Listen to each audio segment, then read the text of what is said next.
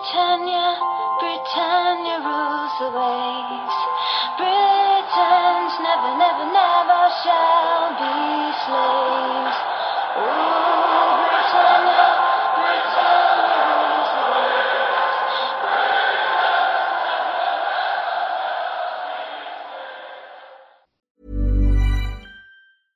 I'm Sandra, and I'm just the professional your small business was looking for. But you didn't hire me because you didn't use LinkedIn jobs. LinkedIn has professionals you can't find anywhere else, including those who aren't actively looking for a new job but might be open to the perfect role, like me. In a given month, over 70% of LinkedIn users don't visit other leading job sites. So if you're not looking on LinkedIn, you'll miss out on great candidates like Sandra. Start hiring professionals like a professional. Post your free job on linkedin.com/achieve today.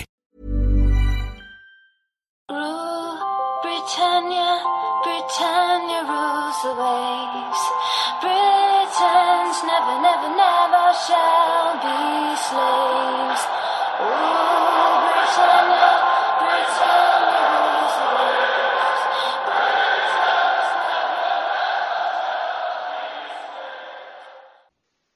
Hej och välkomna till avsnitt 15 utav Svenska FPL-podden. Nu är vi mitt uppe i ett landslagsuppehåll. Det, vi spelar in måndagen den 15 oktober och det är alltså inför Game Week 9. Agendan för dagens avsnitt är lite annorlunda än vanligt och vi inte haft någon, någon vecka sedan senaste poddavsnitt. Vi kommer gå igenom lite noterbart från veckan och när vi är mitt uppe i landslaget så tycker jag definitivt vi ska ha en landslagsgenomgång här. Vi kollar alltså på de matcherna som har spelats fram tills eh, idag. Sen så kommer vi ha en liten mer djuplodande kaptensdiskussion inför Game Week 9, se vilka, vilka som kan vara intressanta att kika närmare på.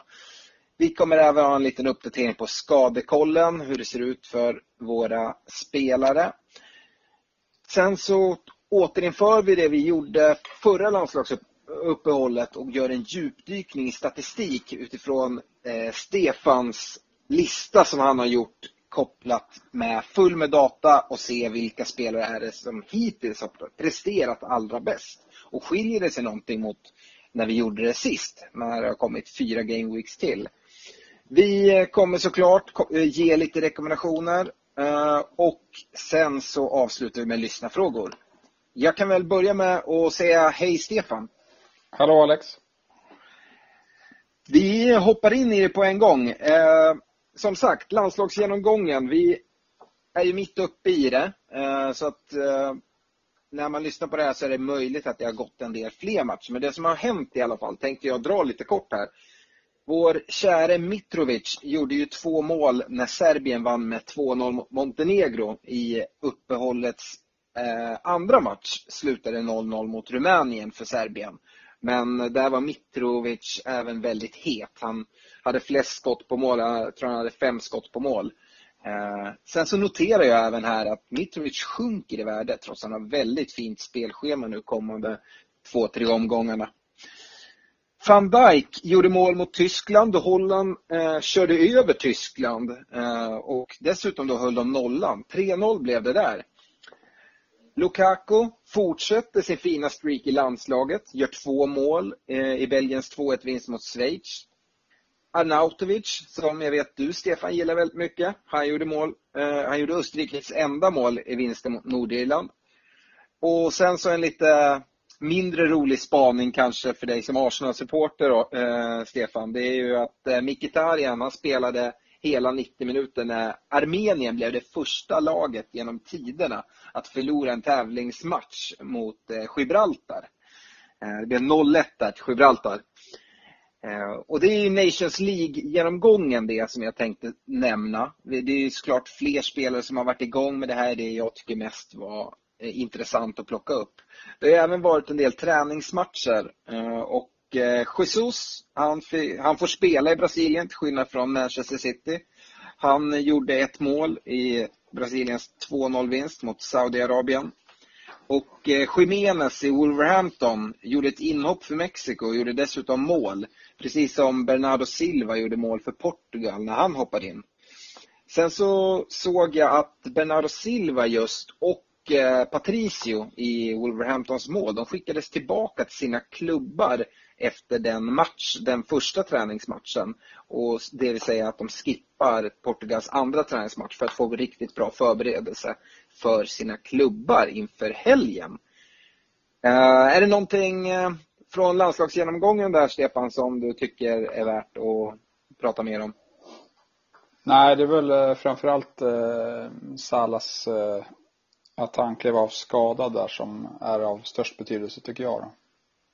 Precis, vi kommer till det under skadekollen. Man kan säga Salah, han gjorde ju mål eh, för Egypten. Men sen eh, gick han ju även av skadad och är lite osäker. Vi kommer att prata lite mer om det. Eh, ja, egentligen kommer vi prata lite mer om det nu, för nu går vi vidare till en kaptensdiskussion och där tycker jag väl Sala ska blanda sig in. Eh, jag tänker så här, de, de tre stora namnen eh, inför den här omgången skulle jag vilja säga är Agüero, Hazard och Salah. Håller du med där Stefan, eller skulle du vilja lägga till något namn eller ta bort någon av de tre? Eh, nej, men jag håller, jag håller väl absolut med där. Eh, jag sitter ju med alla tre i mitt personliga lag så jag har ju en hel del eh, huvudvärk eh, kring, kring kaptensvalet eh, den här veckan då.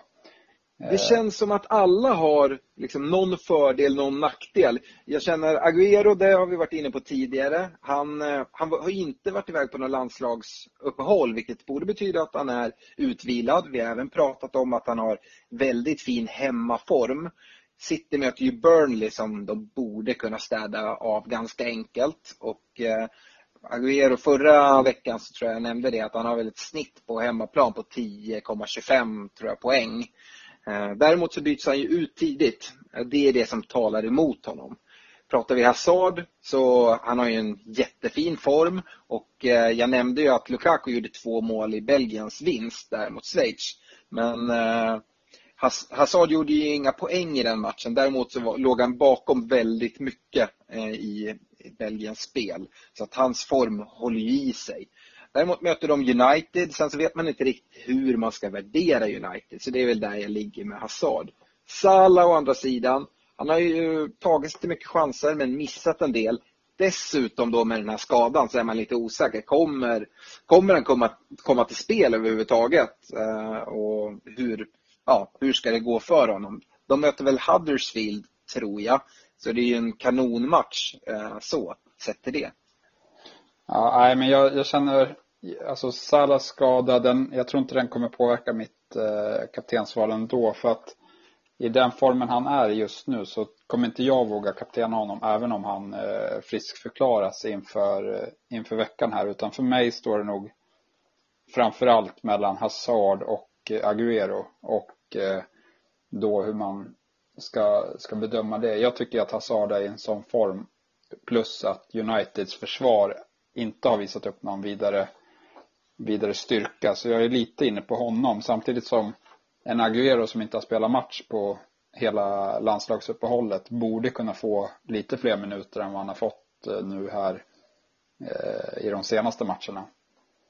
Ja, och Agüeros största konkurrent på anfallsposten är ju Jesus som är iväg och spelar med Brasilien. Nu är de ju inte i Sydamerika och spelar utan de, jag tror de är nere och kör träningsmatcher i Saudiarabien. De mötte ju Saudi men de ska ha en match till här Ehm, om det var mot Argentina kanske, ehm, också i Saudiarabien. Ehm, så att det är inte så mycket tidsomställning. Däremot så har han varit iväg. Så att, eh, att Agüero startar känner jag mig ganska trygg med. Sen så 90, nej det tror jag inte att han kommer få men han kan ju leverera på kortare tid än 90 minuter.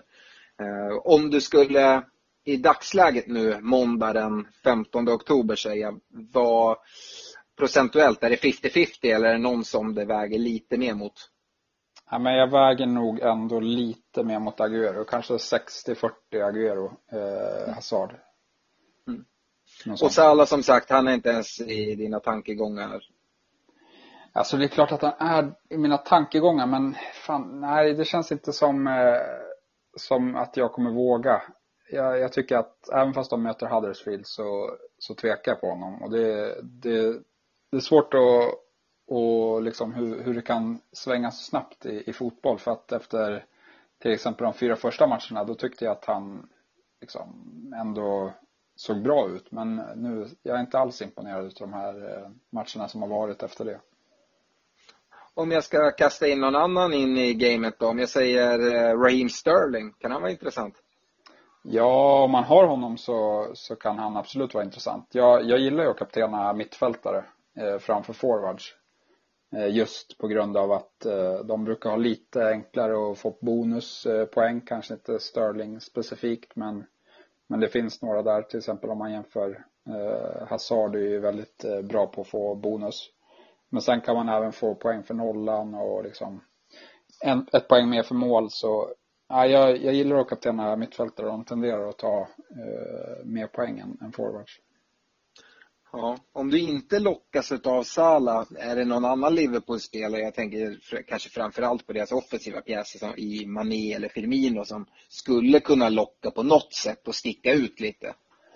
Ja, jag har ju inte det problemet då jag inte har dem privat men som sagt jag ser väl ändå, jag har ju samma problem med Mané. Jag tycker att han kanske har droppat ännu mer i form eh, än, än vad Salah ändå har gjort. Jag tycker inte han har Alltså jag tycker inte man har tagit sig till några lägen heller. Eh, så där tror jag väl ändå att eh, eh, att jag skulle, man, man kommer ha någon utav Hazard, Aguero eller Salah om man har Mané och då skulle jag välja någon av de tre framför Mané i alla fall. Ja, jag, jag instämmer där. Jag sitter ju med Mané och vi har ju han i vårt, eh, vårt poddlag också. Det jag känner lite där att eh, hade inte han gått upp så mycket i pris så tror jag att jag hade sålt han tidigare än, vad, eh, än att sitta kvar med honom nu. Nu så har man ändå avvaktat och väntat de här fina matcherna och se. Men det här är lite prövotid för honom nu, precis som jag vet att du har prövotid på, på Sala. Om han inte levererar nu sitt kommande två gameweeks, ja, då eh, ligger han ruggigt nära att åka ut och ge plats till någon annan. Eftersom att man ändå får rätt mycket mycket pengar så, så finns det flera intressanta alternativ där. Vi, eh, vi lämnar kaptensdiskussionen men som sagt det kommer nog för många stå, nu tror jag inte det är speciellt många lag som sitter med alla tre utav Aguero, Hazard och Salah som du gör Stefan. Men eh, man har nog minst en utav dem, kanske två till och med. Så att där tror jag de flesta kommer göra sitt val. Vi kommer komma sen till vår rekommendation längre fram och då får vi höra lite, lite mer om både kaptensval och andra bitar.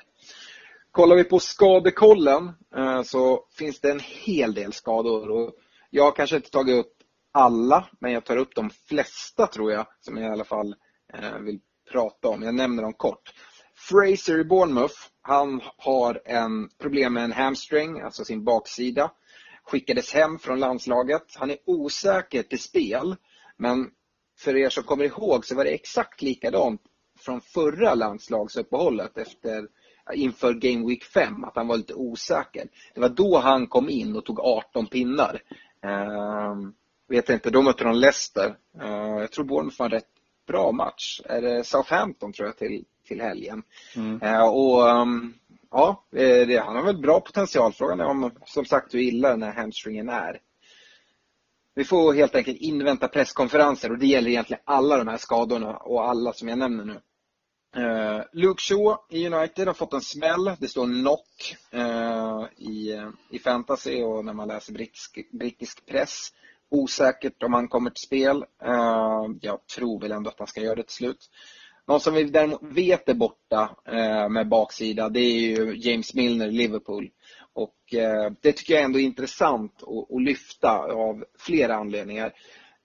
Dels så pratade vi lite om det förra veckan att Eh, Milner har ju tagit straffarna. Frågan är nu vem som kommer slå eventuella straffar i Liverpool. Eh, Sala kan det mycket väl vara om han kommer till spel. Kanske Mané eller Firmino. Eh, ganska troliga alternativ. Så att, dessutom om man har Trent så tror jag att han kom, Milner har ju slått en del hörnor. Jag tror att Trent kan få slå, kan få slå lite där eh, och kanske få någon, någon poäng på det om han har lite flyt.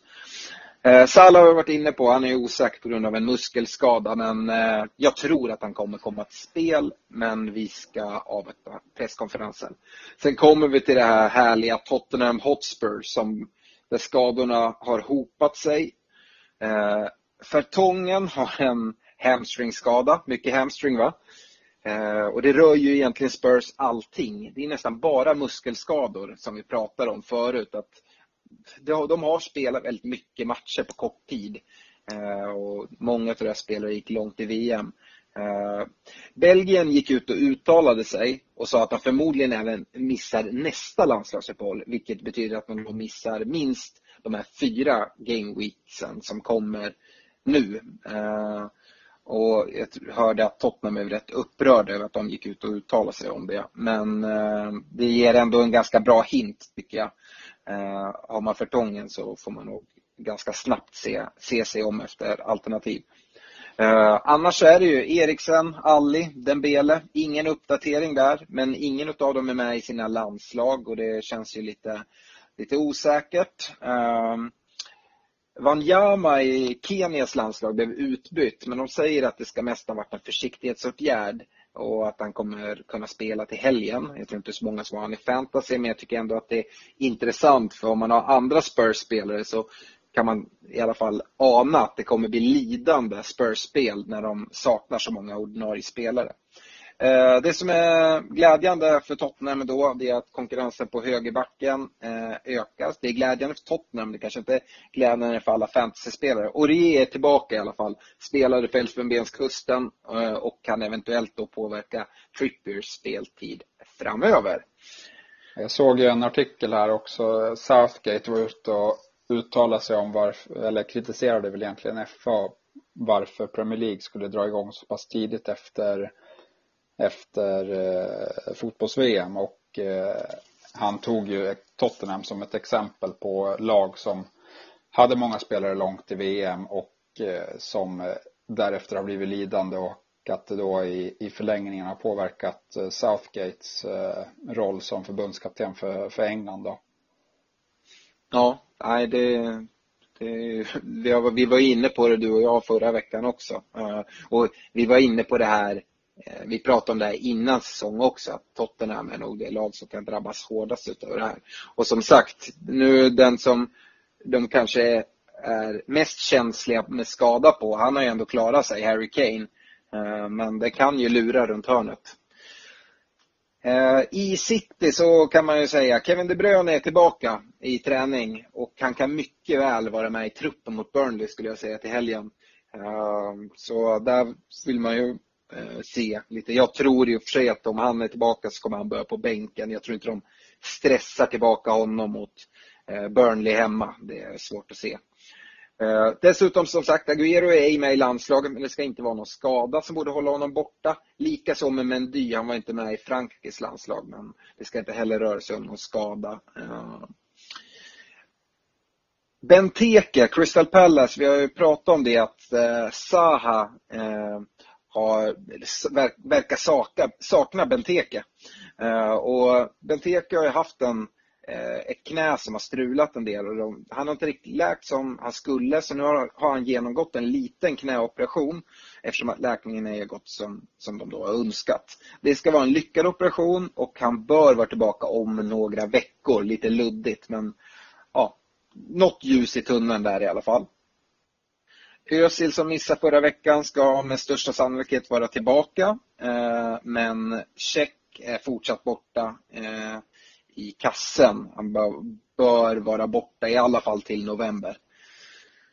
Sen så i Burnley som ska möta City, där lämnade Tarkovski den engelska truppen med en strulande ljumske.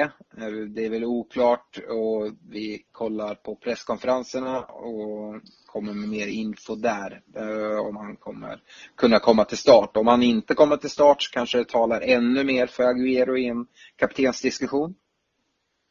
Sen så har vi Rydiger i Chelsea som har lite ljumskproblem även han och var alltså inte med i tyska truppen eh, och är lite osäker inför helgen. Och sen så eh, vet jag att du blev lite orolig Stefan för din målvakt i ditt privata lag, Ryan, att han drog på sig en liten skada eh, när han var iväg. Men det har jag hört rapporter om i alla fall att det inte ska vara någonting som oroar inför helgen. Har du hört något annat? Nej, jag visste faktiskt inte ens om det. Så jag, jag sitter ju med båda Brightons målvakter. Det är klart att jag vill att uh, Ryan ska stå. Uh, men om, om det är så att han är skadad så har jag Brightons andra keeper där. Uh, som, ja. som kommer in. Men jag har ingen koll på om han är bra eller inte. Så jag, för, jag föredrar att Ryan är skadefri. Ja, nej, men han drog på sig en skada och lämnade landslagssamlingen. Det är väl Australien han står i om jag inte har helt fel. Ja, det stämmer. Eh, men eh, rapporter säger att det ska inte vara någon fara inför helgen. Det var egentligen de skador jag tänkte dra igenom och här, det jag vill säga med det här att det, som ni hör är det en hel del skador och eh, därför är det extra viktigt att ha koll på presskonferenserna och jag tycker även att man ska tänka ett steg längre. I ett lag som till exempel Tottenham där det är så pass många skador så påverkas det. Nu till exempel som sagt Fertongen är borta i mittbacks, mittbacksdelen. Ja, kommer det påverka i försvaret att de kanske kommer släppa, börja släppa in fler mål om man sitter med Juris i kassen eller Trippier eller, eller liknande. Eh, och offensivt kommer Kane få den leveransen när han inte har någon Eriksen eller Alli om det är nu så att de är fortsatt borta. Så att, eh, tänk längre än att just era spelare, om det är väldigt många eh, spelare som är skadade. Och även på samma sätt nu om vi till exempel får rapporter om att Tarkovski är borta från Burnleys försvar. Det kommer ju påverka och kommer vara positivt för City och kanske framförallt deras offensiva spelare och Agüero i synnerhet. Yes, med det Stefan tänkte jag lämna över ordet lite till dig och din statistik här. Eh, du har ju matat in ännu mer data här utav de här eh, fyra game weeks som har varit efter vår senaste genomgång och se om vi kan kolla lite närmare på om siffrorna skiljer sig något. Yes, eh, och för er som inte har lyssnat på föregående statistikgenomgång då så, så är det så jag har rankat spelarna är på ICT-indexet eh, som står för inflytande, kreativitet och hot. Eh, olika mått på eh, hur ja, involverad man är i matcherna, hur många chanser man skapar och hur ofta man kommer till avslut för att bara, bara summera det. Och ICT-indexet är då en summering av de här tre delkategorierna. Och sen har jag även tagit det per spelad match så att man kan jämföra någon som till exempel har spelat sex matcher med någon som har spelat åtta matcher. Eh, och eh, har delat upp det här på eh, position, forward, mittfältare och backar.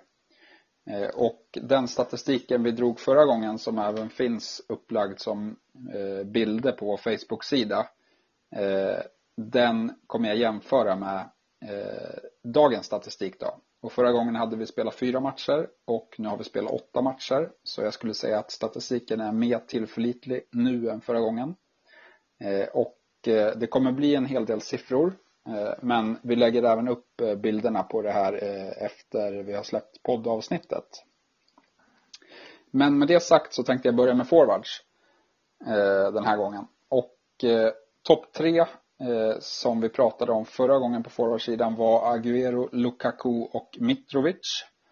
Eh, spannet som man på ICT eh, per, eh, per eh, framträdande då eh, gick från Agüeros 12,6 till eh, Lacazettes 6,7 eh, och ju högre desto bättre.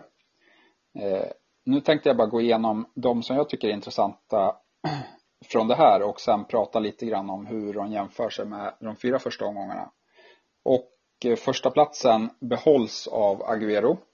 Eh, hans ICT har gått ner lite men det är fortfarande på 11,3. Eh, rätt, rätt klart bättre än, än alla andra egentligen. Och på och han, han, Aguero han leder egentligen statistiken på, på samtliga områden. Det, det, om man eh, kollar så har jag även lite statistik på hur ofta de skapar chanser, hur ofta de tar avslut i boxen, eh, hur ofta de tar eh, avslut som är, är på mål eh, och hur ofta de har eh, touches i, i boxen. Då. Även bonuspoäng. Även bonuspoäng. Så, så det, det, finns mycket matnyttigt här. Men det kommer bli för långt om jag ska prata om alla de här kategorierna. Så jag fokuserar på ICT som Eh, är en summering utav de här. Då. Eh, på andra plats eh, har Kane letat sig upp. Han låg ju inte speciellt bra efter fyra veckor. Han hade ett ICT-index på 7,7 då. Nu har han 9,9 så det rimmar väl lite med att statistiken rimmar lite med intresset för Kane som vi har sett här under de senaste omgångarna. Att folk har börjat kolla åt hans håll. Och det backas upp här utav statistiken. Eh, sen på tredje och fjärde plats så finner vi eh, två billiga forwards i Mitrovic och Ings. Eh, båda låg bra till även förra gången. men har dalat lite, lite grann. men fortfarande väldigt bra ICT-scorer på de två. Så de tycker jag är fortsatt högintressanta. De fortsätter ta sig till, till bra lägen och liksom många lägen under, under matcherna. Här vill jag även lägga till på just Mitrovic. Som jag nämnde när jag gick igenom så han gjorde ju två mål här mot eh, Montenegro. Han har jättefina matcher i Fulham. Men han sjunker av någon konstig anledning i värde. Han tappade 0,1 nu och kostar 6,9. Jag fattar inte hur man kan sälja honom i det här läget. Nej, alltså han, han borde man ju hålla kvar i för att eh, även om Fulham har haft lite, lite knackigare eh, så, så har ju det mest varit på grund av deras försvarsspel. De har ju fortfarande spelat rätt fröjdig offensiv. Eh, så Mitrovic eh, tycker jag absolut man ska behålla om man har honom. Eh, och det finns även ett alternativ, eller ett läge där man kanske till och med ska kolla på att byta in honom. Mm. På femte plats har vi Lukaku han har ju tappat en hel del här i, i statistiken. Han hade 11,6 efter fyra matcher och nu har det kommit ner till 8,5. Eh, så det, det är inte bra för hans, hans del eh, om man kollar statistiskt sett. Eh, sexa har vi Callum Wilson. Ungefär oförändrat från, från förra gången. Men där vet vi att Bournemouths matcher blir tuffare här om några omgångar.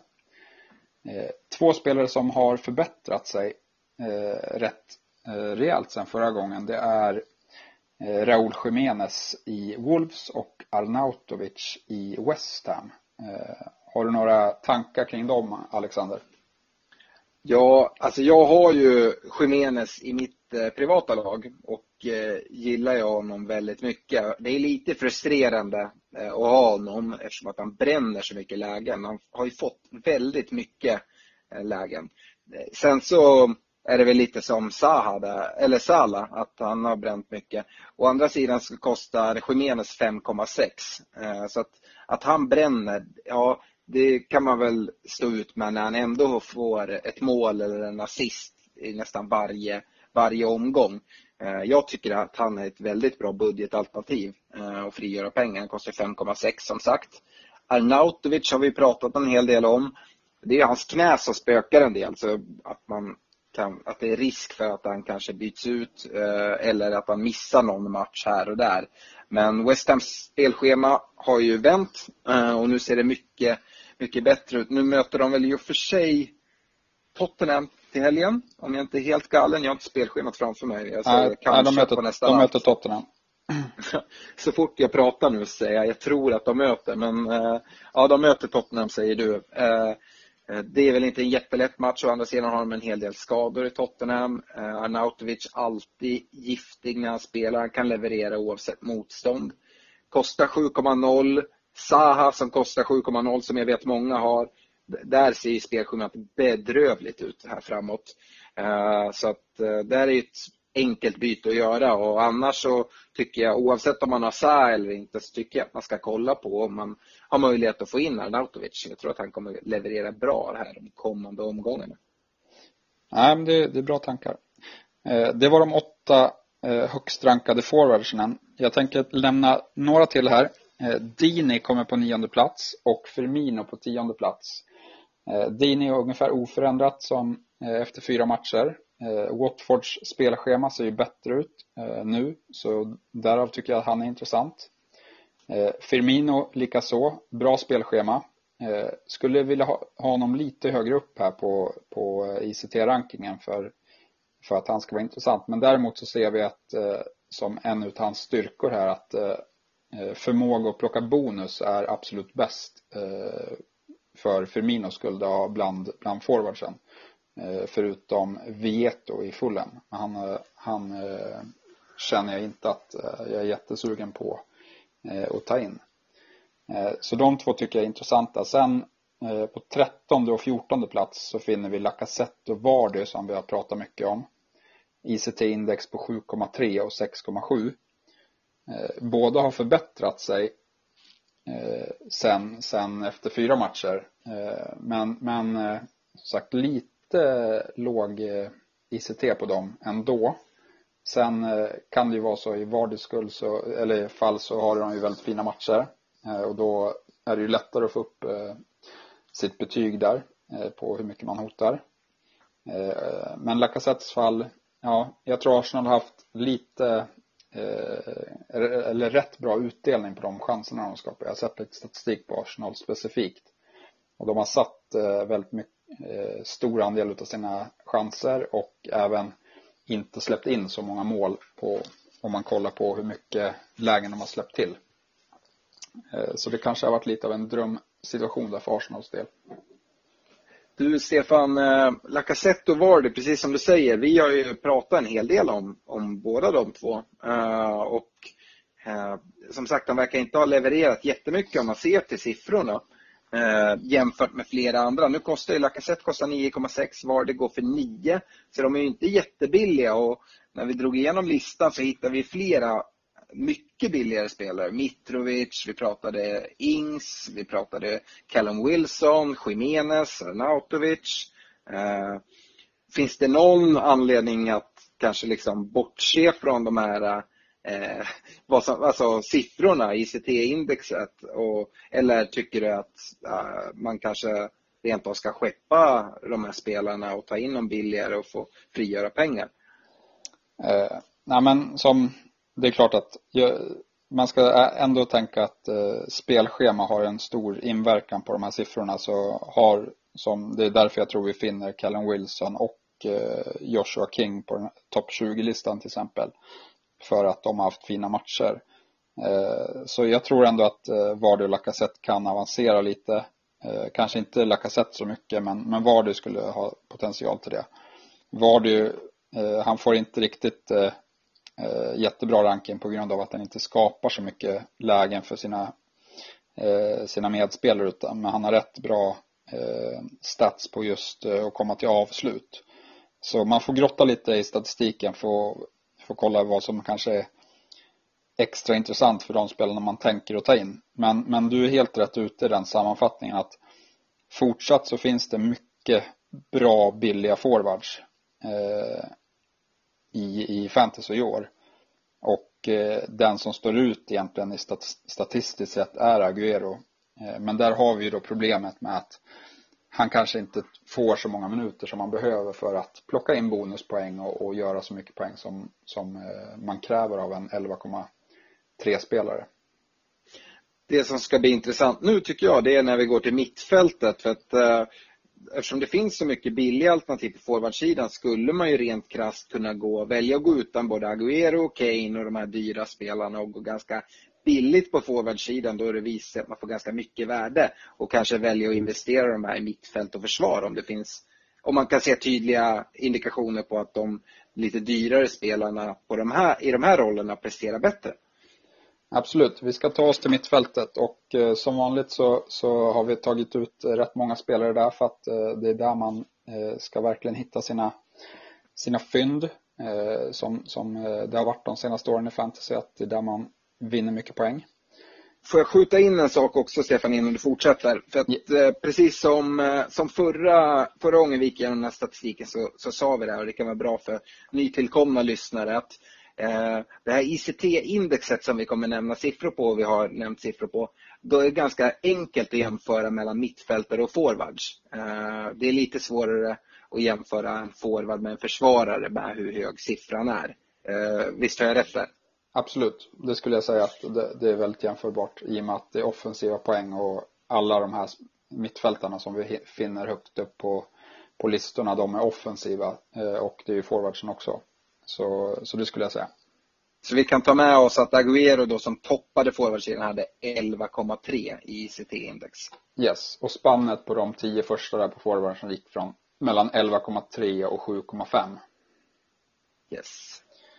Eh, mittfältare då. Förra gången vi kollade efter fyra omgångar så hade vi fyra spelare eh, som hade ett ICT-index över 10. Eh, de var i, i eh, den ordningen att Sala och Silva toppade på samma 14,1. Hazard på 11,1 och Mané 10,7. Eh, den här gången så finner vi också fyra spelare eh, som eh, har ICT-index över 10. Men det är inte samma fyra spelare utan nu toppas listan av Hazard på 13,6.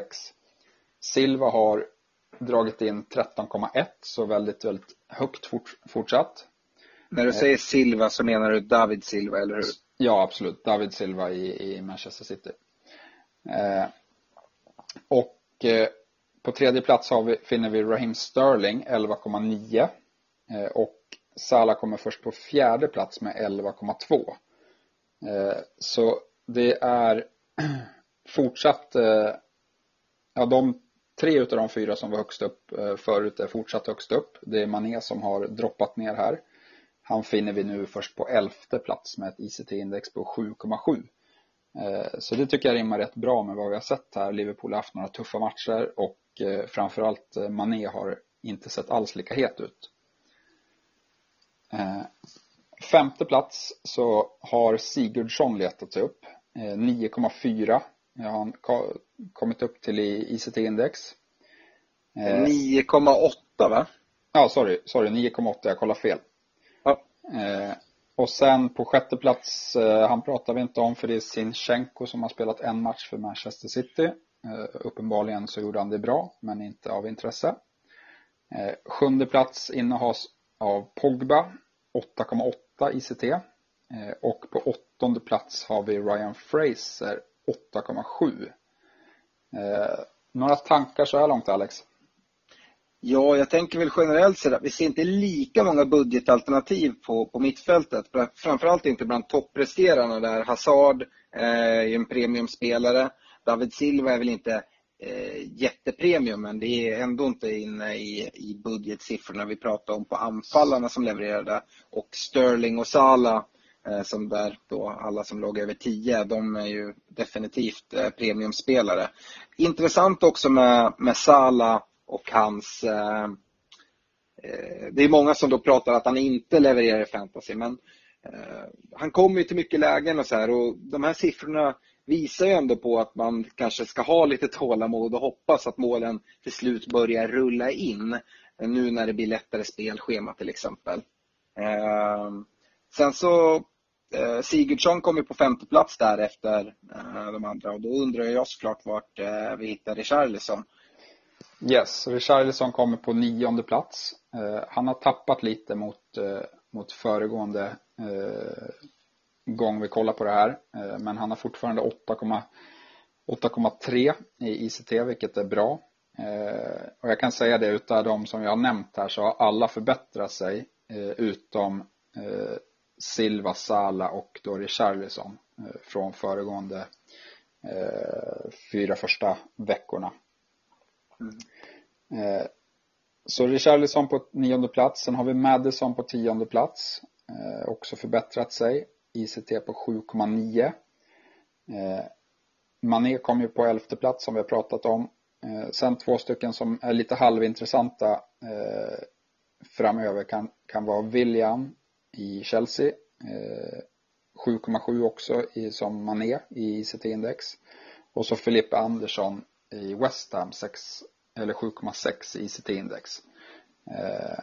Och där skulle jag vilja säga att han ligger bakom mycket, han skapar mycket chanser men hotar inte så mycket eh, med eh, han är inte så en målgörare kan man säga, han kommer inte till så mycket lägen.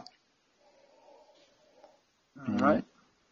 Ja, men som, som vi ser om vi ska jämföra lite med, med forwards så, så är det egentligen bara Agüero som kan utmana de här toppresterarna på mittfältet i, i statistiskt sett.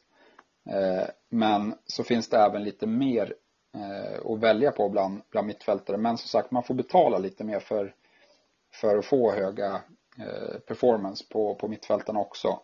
Så, så det kan ju också vara en anledning till det du sa Alex, att det kanske är läge att gå billigt i anfallet för att få in några av de här riktiga toppmittfältarna i år. Jag har ju varit inne på det förut att eh, kanske dumpa Agüero och istället spela med Sterling på mitten. Eh, och eh, de här siffrorna gör mig ju inte eh, mindre intresserad utav just det. Nej, eh, Sterling har ju lite högre ICT än, än vad Agüero har. Eh, så ställer man de två mot varandra så ser det faktiskt rätt intressant ut. Han är dessutom billigare eh, och som sagt bättre alternativ på Eh, bland billiga forwards än billiga mittfältare. Jag har ändå tagit ut två billiga mittfältare. De kommer på 18 och 19 plats på, på rankingen. Eh, och eh, det är Schürrle. Han hade vi med förra gången på en elfte plats. Så han har tappat lite. 7,2 i index men han är rätt billig. Och sen har vi Anthony Knockart har letats upp på 19 plats här på rankingen från Brighton som vi vet har bra matcher eh, framgent.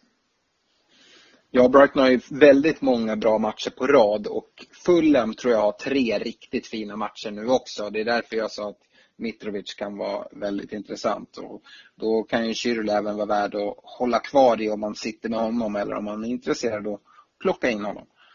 Yes. Och så tänkte jag bara nämna lite för att eh, det är rätt intressant med vilka som är bra bonusspelare utav de här. Då. Eh, och och eh, då skulle jag säga att eh, i den här statistiken så, så har vi Hazard, David Silva, eh, Ryan Fraser, Madison och William som alla visar upp fin potential att ta bonus när de gör offensiva poäng. Mm. Eh, det ska, bli, det ska bli väldigt intressant att höra om försvararna för sist vi hade den här genomgången så var det ju väldigt tydligt att försvararna tog en hel del poäng och låg även bra till i, i rankingen och då pratar vi om de lite mer premiumförsvararna. Har de hållit i det? Det var väl Trippier i topp eh, senast har jag för mig. Ja, men det var vi inne på och jag tror även vi sa att eh, det här var exceptionellt högt eh, för och, liksom, och att det var få antal matcher. Eh, och mycket riktigt så har ICT droppat en hel del på backsidan. Eh, alla toppbackar har tappat, eh, eller de alla premiumbackar har tappat. Liverpoolbackarna ser vi inte ens bland topp 20 längre. Så, så mm. det har, där har, har det absolut tappat. Men det, det kan mycket bero på att många av de här premiumbackarna fick väldigt fina inledningar med assist och mål och sånt och det påverkar ICT eh, till det positiva. Så vi hade, jag tror att vi sa att vi förväntade oss att det skulle droppa lite eh, och det har vi sett. Men, men eh, så det kan man ta med sig som generell eh, take på det hela. Eh, men det finns, jag, jag, kan börja med de som har förbättrat sig från förra omgången. De finner vi på sjunde, nionde och tionde plats och det är Doherty i, i Wolves Ashley Young i Manchester United och Maguire i Leicester. Och där skulle jag säga att Doherty och Maguire är intressanta. Ashley Young han får vänta på att, eh, på att United kan visa upp någon form av eh, defensiv eh, styrka och dessutom ska han naila sin plats där också. Ja. annars så, så om man ska kolla på förra gången så, så hade vi ICT poäng då från 8,7 till 6,4 på de vi tyckte var intressanta. Eh, nu på de jag har highlightat som intressanta så har vi från 7,1 till 5,5. Så... Viktigt här är att det, den ICT-siffran är ju väldigt svår att jämföra med de siffror vi har nämnt för, för mittfältare och anfallare dock. Absolut, här handlar det mer om att hitta lag som kanske har rätt bra form eller rätt bra lätta matcher och som kanske ser stabila ut defensivt så eh, därav skulle jag vilja säga att trots att vi inte hittar Liverpool-backarna på den här listan så, så vet vi att de har en väldigt bra defensiv och därav kan, tycker jag, fortsätta att de är intressanta.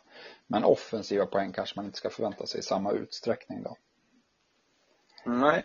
Eh, men, men eh, som på Ja, Stankovic toppar listan men han har börjat spela en match så, så han har jag exkluderat här. Men tvåa finner vi Benjamin Mendy. Eh, högintressant skulle jag säga. Han har varit skadad tillbaka nu. Eh, vi får se hur han, om han kan hålla en längre stund men, men så, om han gör det så är han ju definitivt intressant. Han ja, får... men, men, men Dy har väl eh, som sagt han varit skadad. Han har väl bara spelat egentligen en match mer än från senaste eh, uppdateringen vi gjorde. Då för han spelade de första fyra. Så han har bara spelat en match till. Så att eh, den siffran, ja, får man väl ta med en nypa salt. Absolut. absolut. Eh, mm. Men, men som sagt, jag tycker han är intressant fortsatt. Han, han spelar ett lag som är defensivt starka och han är väldigt offensiv.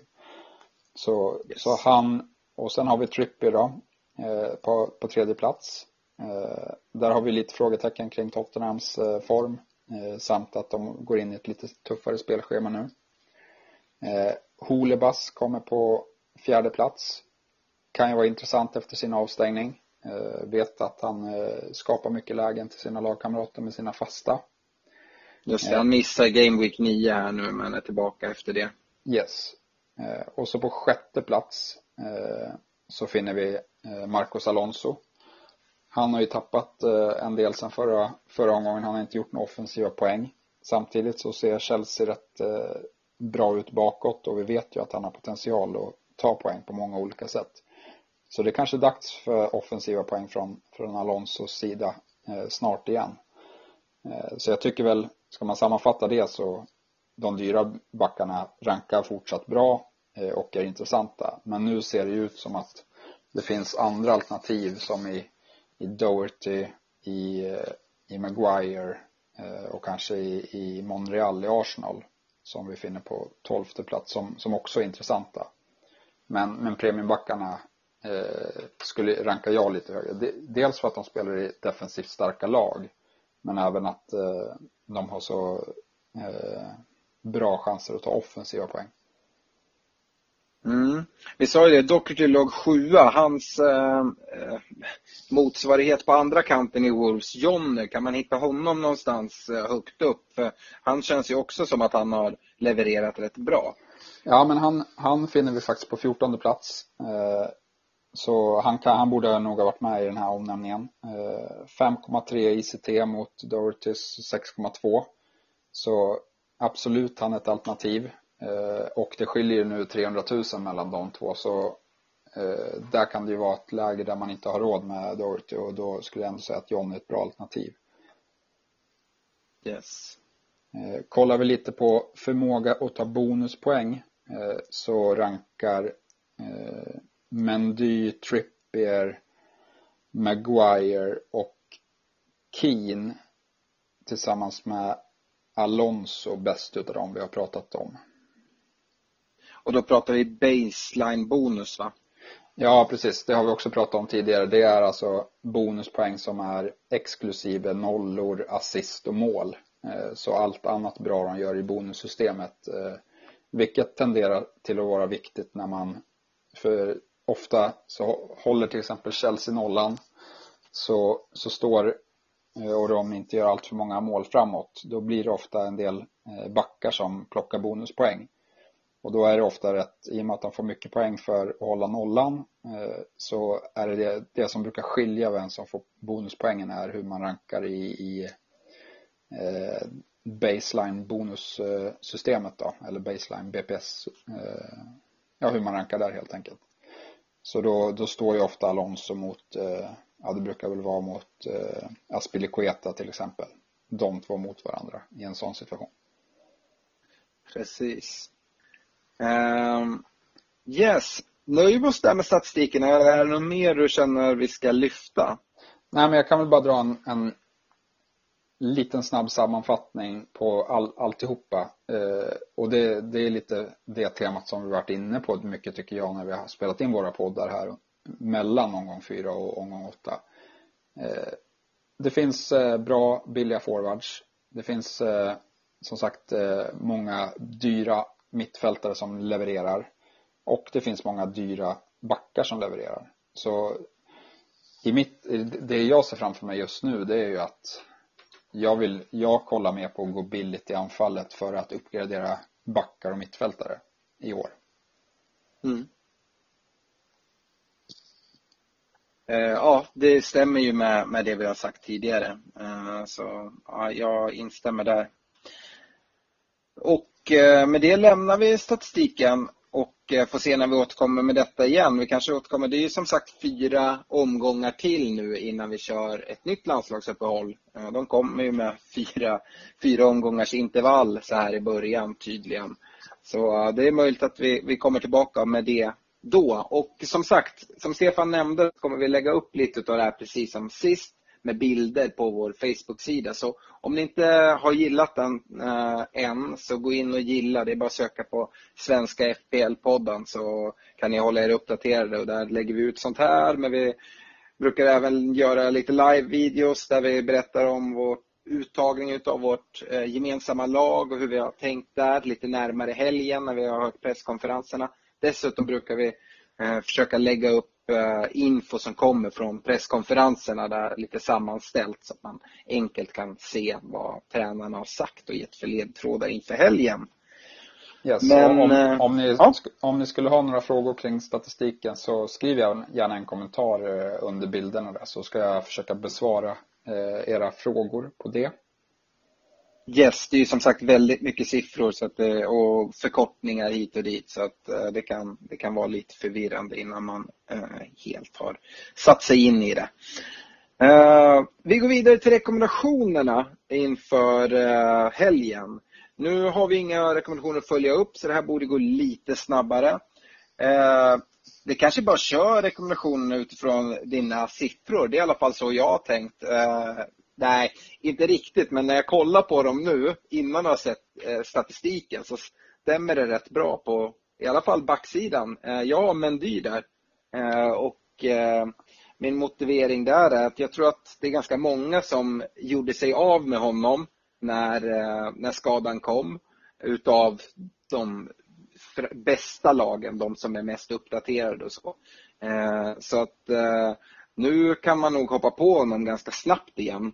Eh, City ser fina ut och han är ju extremt offensiv. Nu möter de Burnley till helgen och eh, bra chans att leverera. Så har man möjlighet att ta in honom, jag tror att det är många däremot som kanske har eh, sålde honom och tog in någon billigare, säg någon Wolves-försvarare där, Docherty eller Johnny eller någon och kanske har investerat pengarna någon annanstans. Så, eh, har ni möjlighet så kolla på att ta in Mendy. Jag funderar i mitt personliga lag att faktiskt ta ut eh, vår poddens lilla kelgris, Van Bissaka, nu när han går in i det här tuffa eh, schemat. Och sen får se om jag tar in honom igen sen. Men eh, jag, jag har lite pengar på banken då såklart, annars har man inte råd att göra det. Men ja, Mendy är min rekommendation. Ja, jag har faktiskt också valt eh, Mendy och vi har ju som vanligt inte pratat ihop oss om det här utan det är bara våra högst personliga tankar. Eh, jag går lite i tankarna om jag ska byta in honom i mitt privata lag. Det är ett utav eh, bytena jag funderar på. Men det avgörs lite av, det kommer jag avgöra senare beroende på om Salah kommer missa eller hur det ser ut där. Eh, så om han missar så tror jag att eh, han faktiskt ryker från, från mitt eh, mitt privata. Men annars så är Mendy ett alternativ som antingen tar in honom eller så spar jag ett byte där. Och då är det nog Alonso eller Robertson som ryker för min del. Men, men det är inte optimalt. Jag tror att eh, för att jag har både Trent, Alexander Arnold och Robertson. Jag vill gärna se att eh, Trent startar innan jag byter ut Robertson. Annars kan det bli lite för många byten i backlinjen känner jag. Yes. Uh, på mittfältet har jag fortsatt gått på statistiken och säger Hazard. Men det är faktiskt inte uh, så mycket på statistiken. Utan det är bara, jag har sett killen spela och han är helt magisk nu. Uh, så att, ja, Hazard är min rekommendation på mittfältet. Ja, man behöver inte säga så mycket mer om Hazard. Jag har valt Raheem Sterling på mittfältet. Och det, det är mycket det, det jag var inne på med Mendy här att eh, och som jag tänker i privata att ja, Salah han är tveksam. Skulle jag byta ut honom så skulle jag byta in Sterling i mitt lag. Mm. Ja, jag, jag backar helt det. Eh, på forwardsidan då, där har jag gått emot de här statistiken lite grann och jag skulle vilja säga att det är tid att ta in Firmino. Och det säger jag med anledning utav eh, Liverpools fina spelschema. Eh, tillsammans med att Mané till exempel tycker jag har känts lite ur form. Inte så lite heller. Och då, då skulle jag säga att Firmino känns, känns eh, som ett hetare och bättre alternativ i Liverpool med de här enklare matcherna som, som kommer. Ja, jag, jag kan inte säga att jag inte håller med. Eh, jag är lite oroad över, över Sturridge speltid där. Men, men så här, ska man chansa på Firmino då är det nog det här veckan man ska göra det i och med att eh, de eh, ska möta Huddersfield och sen Cardiff. Eh, så, så det, kan, det kan betala sig bra eh, att ta in eh, Firmino just nu faktiskt. Mm. Själv, själv, har jag också trotsat eh, forwardslistan lite och rekommenderar Jamie Vardy. Eh, han finns ju med där, inte jättehögt upp, men som sagt eh, hans matcher nu kommande sex eh, tror jag att han kan leverera väldigt mycket poäng i. och det inkluderar ju då Arsenal-matchen som jag vet att han trivs mot. Vi spelar en hög backlinje och det brukar Vardy kunna lösa fint med att löpa i djupet bakom. Yes. Uh, vill du dra varningen på en gång, Stefan? Ja, jag har varningstecken på Sala. Uh, och det får man ju följa upp lite här. Så självklart är han fit for fight. Då, då är han inget varningstecken. Men, men det är hans skada där och, och form generellt. Ja, och en spelare som är så pass dyr har man inte råd att sitta med i laget om eh, han är skadad. Dessutom kommer han missa den här omgången. Om han nu gör det så tror jag att han kommer sjunka i pris ganska snabbt. Då kommer det nog vara många som hoppar på och säljer honom ganska, ganska på direkten. Eh, jag har nästan samma namn, eh, men det är Saha i Crystal Palace. Jag vet att du varnade för honom här för inte så många avsnitt sen. Eh, mycket för att han spelar långt ut på kanten och så och plus spelschema. Men det är väl egentligen först nu spelschemat ser riktigt dåligt ut. Nu möter de Everton borta till helgen och det är väl, ja i, i förhållande så är det ändå en, en ganska okej okay match. Sen så är det Arsenal hemma, det är Chelsea borta, det är Tottenham hemma och det är United borta. Så det är väl fyra utav de tilltänkta topp 6-lagen som kommer på rad. Och eh, nej, då är inte jag sugen att sitta med Zaha i laget som vi har i vårt, vårt poddlag till exempel just nu. Han får väl vara kvar den här veckan men sen eh, när de här streaken kommer mot tilltänkta topp 6 då får jag nog maka väg för Arnautovic eller vem det är vi nu ska ta in där. Ja, nej, jag backar ju upp eh, fullt eh, ut här. Det var ju, för jag varnade ju för honom förra gången vi kom med en varning. Eh, så jag är ju helt inne på det här spåret att man inte ska ha honom. Mm.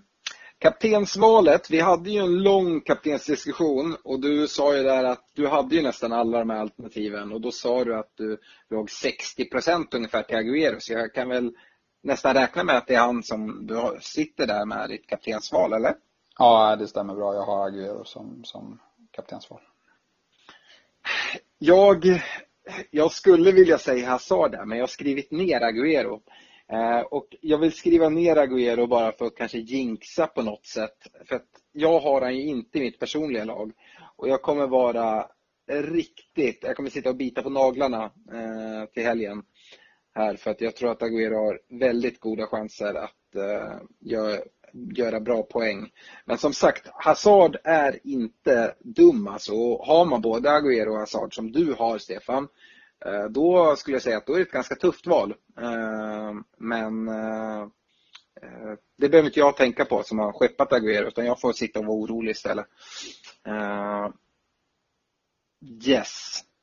Differential, där såg jag nyss att jag hade glömt att skriva ner något så jag bara kollade lite snabbt och försökte hitta någon då som har underägarandel på 5% som jag ändå tycker är intressant. Och, Eh, lite snabbt kika sådär. Jag vi nämnde ju det under statistiken, även om man inte låg alltså, jättehögt upp. Men André Schürrle i Fulham, han ägs av 4,5 procent och är ja, riktigt billig. Eh, dessutom då så, så har ju Fulham Cardiff till, till helgen.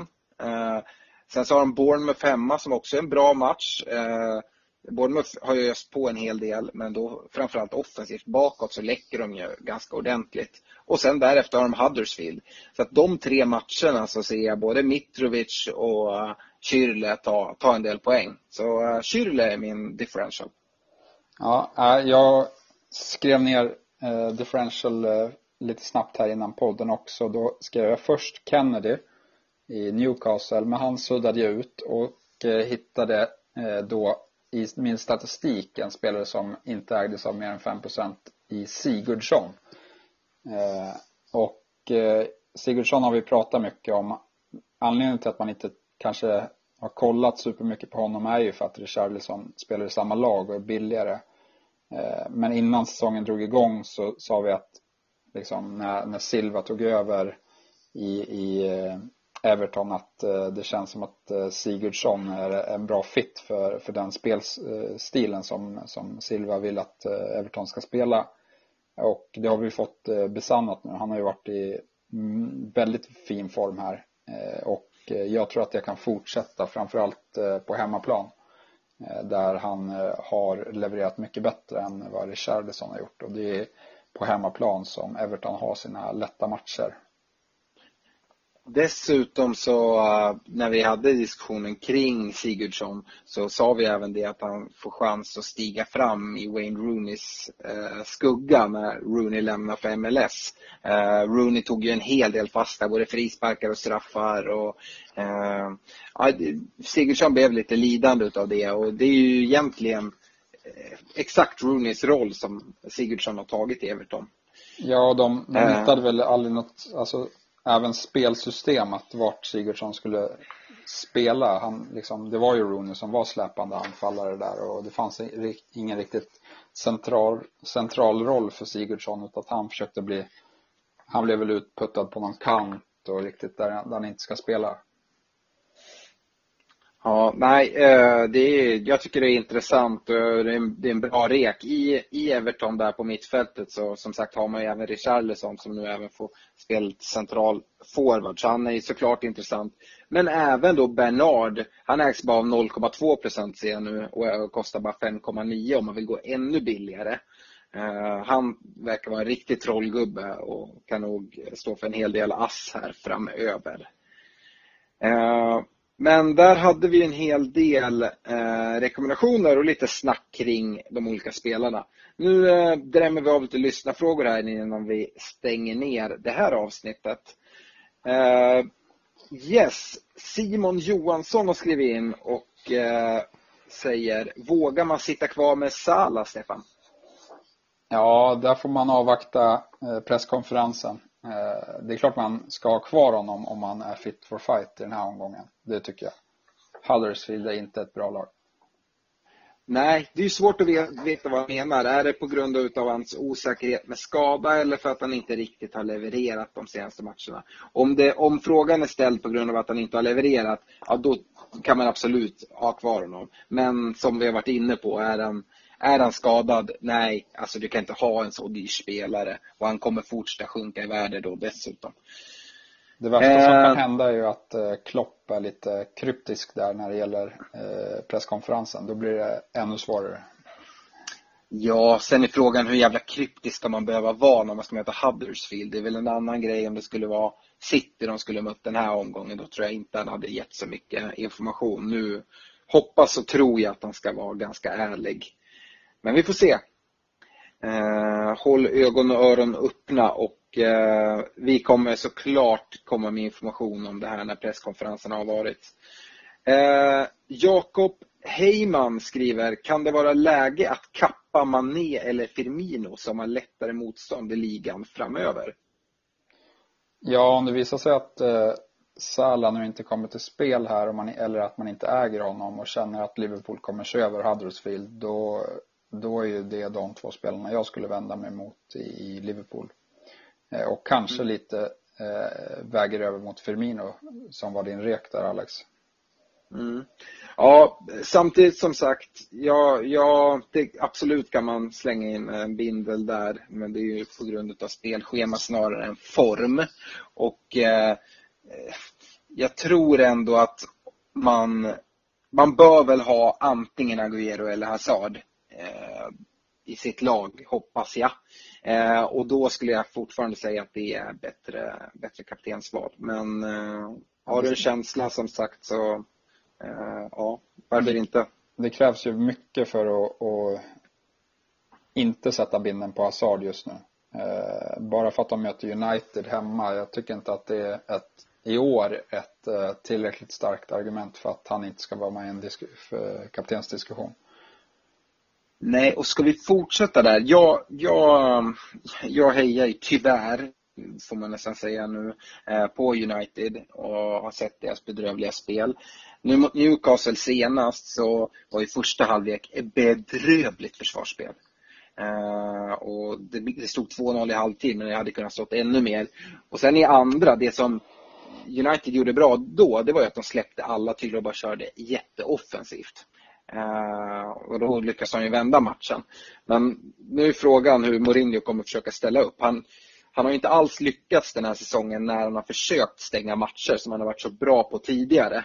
Eh, så ett eh, United från förra säsongen, nej, även om man sa att det hade varit i stor form, då hade det kanske inte lockats av det. Men nu, antingen så kommer United försöka stänga ner och det tror jag inte de kommer klara.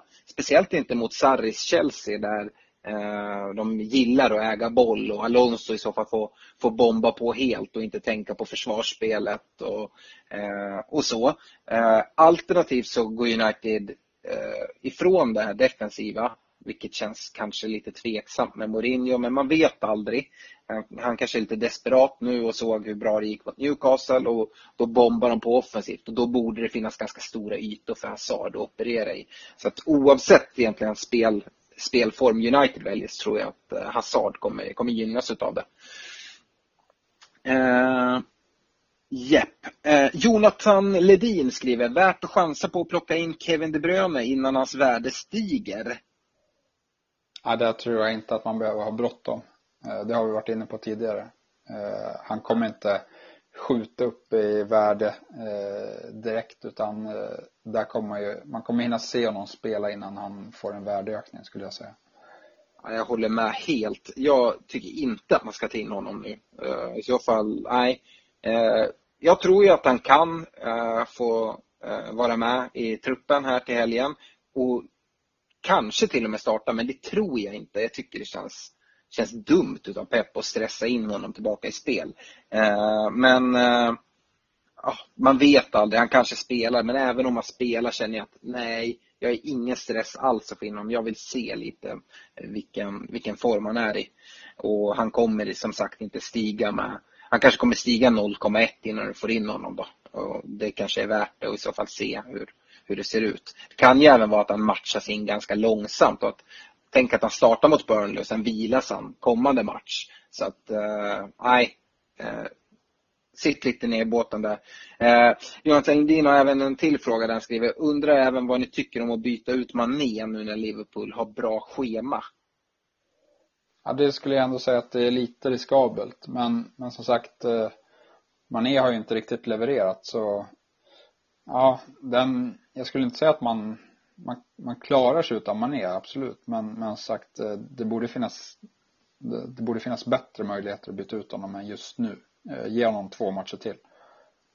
Ja, jag förstår ju precis vad Jonathan är inne på här. Jag sitter med honom i personliga laget och har funderat exakt samma sak. Ska man sitta och bara stirra på att de har bra matcher trots att jag kollar på Liverpools matcher och jag ser att man är liksom helt under isen. Eh, ja, jag kommer, jag kommer sitta lugn som sagt nu men han är, jag har mina ögon på Mané så att säga. Så att, eh, ja, eh, svårt. Men jag skulle säga att det är fan inte fel att byta ut honom. Eh, det, det, kan mycket väl vara helt rätt tid nu att få in någon annan spelare. Men som sagt, schemat gör det lite tufft och tufft beslut.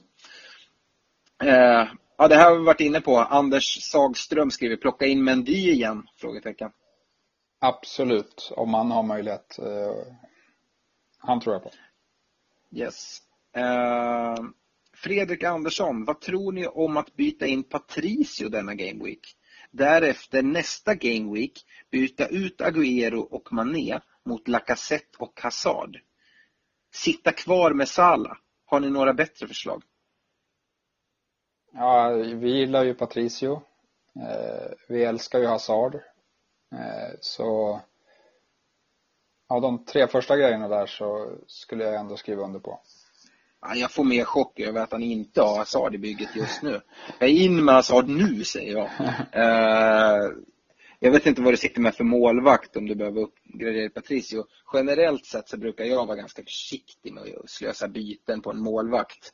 Eh, det kanske är för att frigöra pengar som du behöver göra det för att få in de andra spelarna.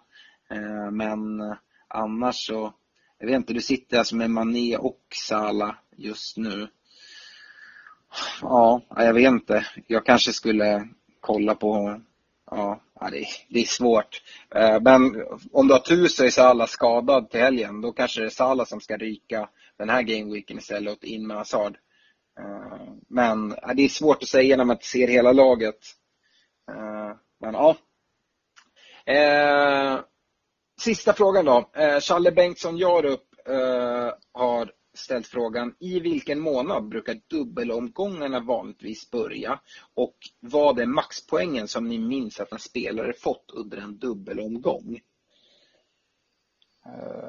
Ja ja, men dubbelomgångarna har väl kommit, förutom det här snökaoset som var för uh, x antal år sedan, uh, så där det blev väldigt, väldigt många inställda omgångar och Eh, mycket dubbelomgångar så brukar ju dubbelomgångarna komma, ja men vad ska man säga, omgång 30 och framåt kanske.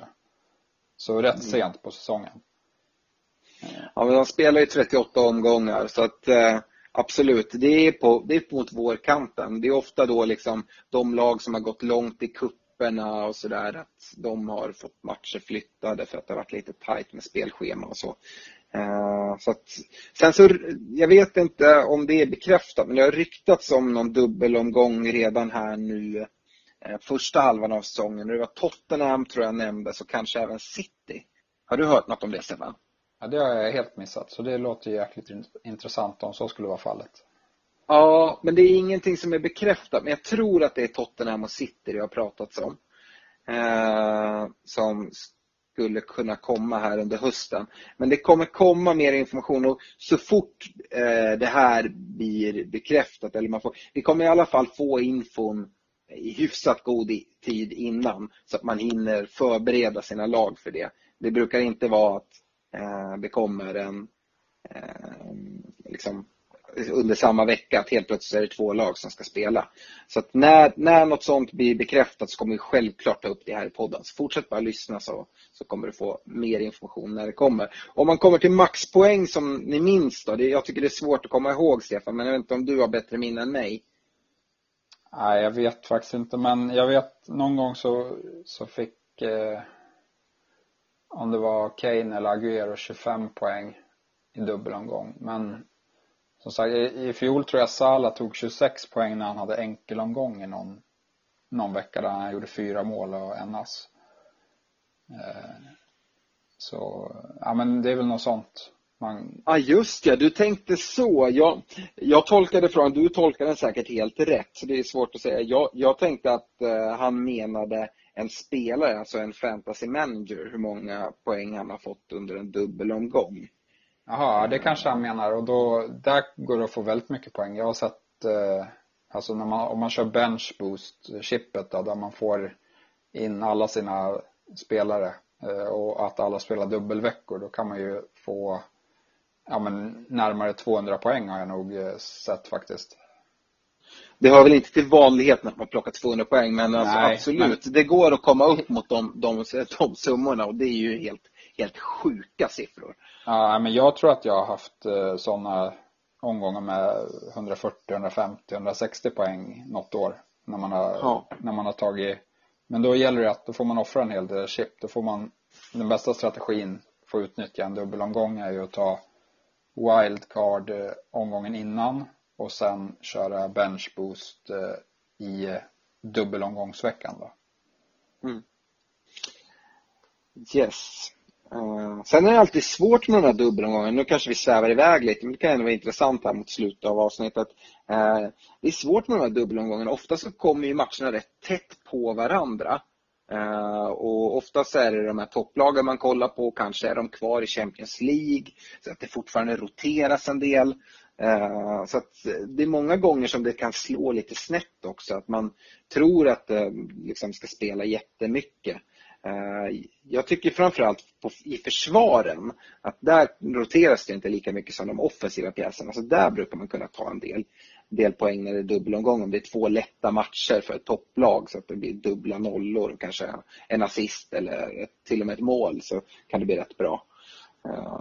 Men annars tycker jag det är tufft just det där att det brukar kunna roteras. Man tycker att det ser så jävla bra ut att alla har dubbelomgång. Men sen, sen betyder det inte att man har dubbelomgång att spelaren kommer spela båda matcherna. Nej, men där är ändå ett generellt tips från min sida att eh, ofta så blir det två, ibland tre omgångar där det blir dub dubbelomgång. Och eh, det blir ju mer osäkert ju längre man väntar med, alltså är det dubbelomgång i omgång 37 då är det inte så många lag som har något att spela för och då är ju rotation ett extremt, eh, eh en extrem risk. Eh, men en, en dubbelomgång i omgång 30 då är det många fler lag som har massa att spela för och då tenderar ju rotationerna att inte bli lika mycket då. Nej, nu grävde vi ner oss lite här i chipsen. Vi kommer såklart köra en mycket mer djuplodande information om det här när dubbelomgångarna börjar dyka upp och prata om vilka chips som är bäst när och sådana saker. Så håll er till tål så kommer det här. Eh, men med det så tycker jag vi tar och avslutar. Eh, vi tackar för alla som har skickat in frågor och eh, fortsätt gärna göra det och fortsätt gärna att berätta för vänner och bekanta att eh, vår podd finns. Hoppas ni gillar det vi gör. Skicka jättegärna feedback till oss antingen på vår mail svensk fpl.gmail.com eller på vår Facebook-sida eller sådär vad ni vill höra mer eller mindre utav om det är något segment i podden ni tycker vi kan hoppa över. Så Vi är jättetacksamma för all info vi kan få. Eh, men eh, med det så önskar vi ett stort lycka till här inför Game Week 9 och se till att eh, hålla koll på presskonferenserna antingen själva eller via vår Facebook-sida där vi kommer lägga ut info om dem. Uh, ha det bra och lycka till! Ja, lycka till!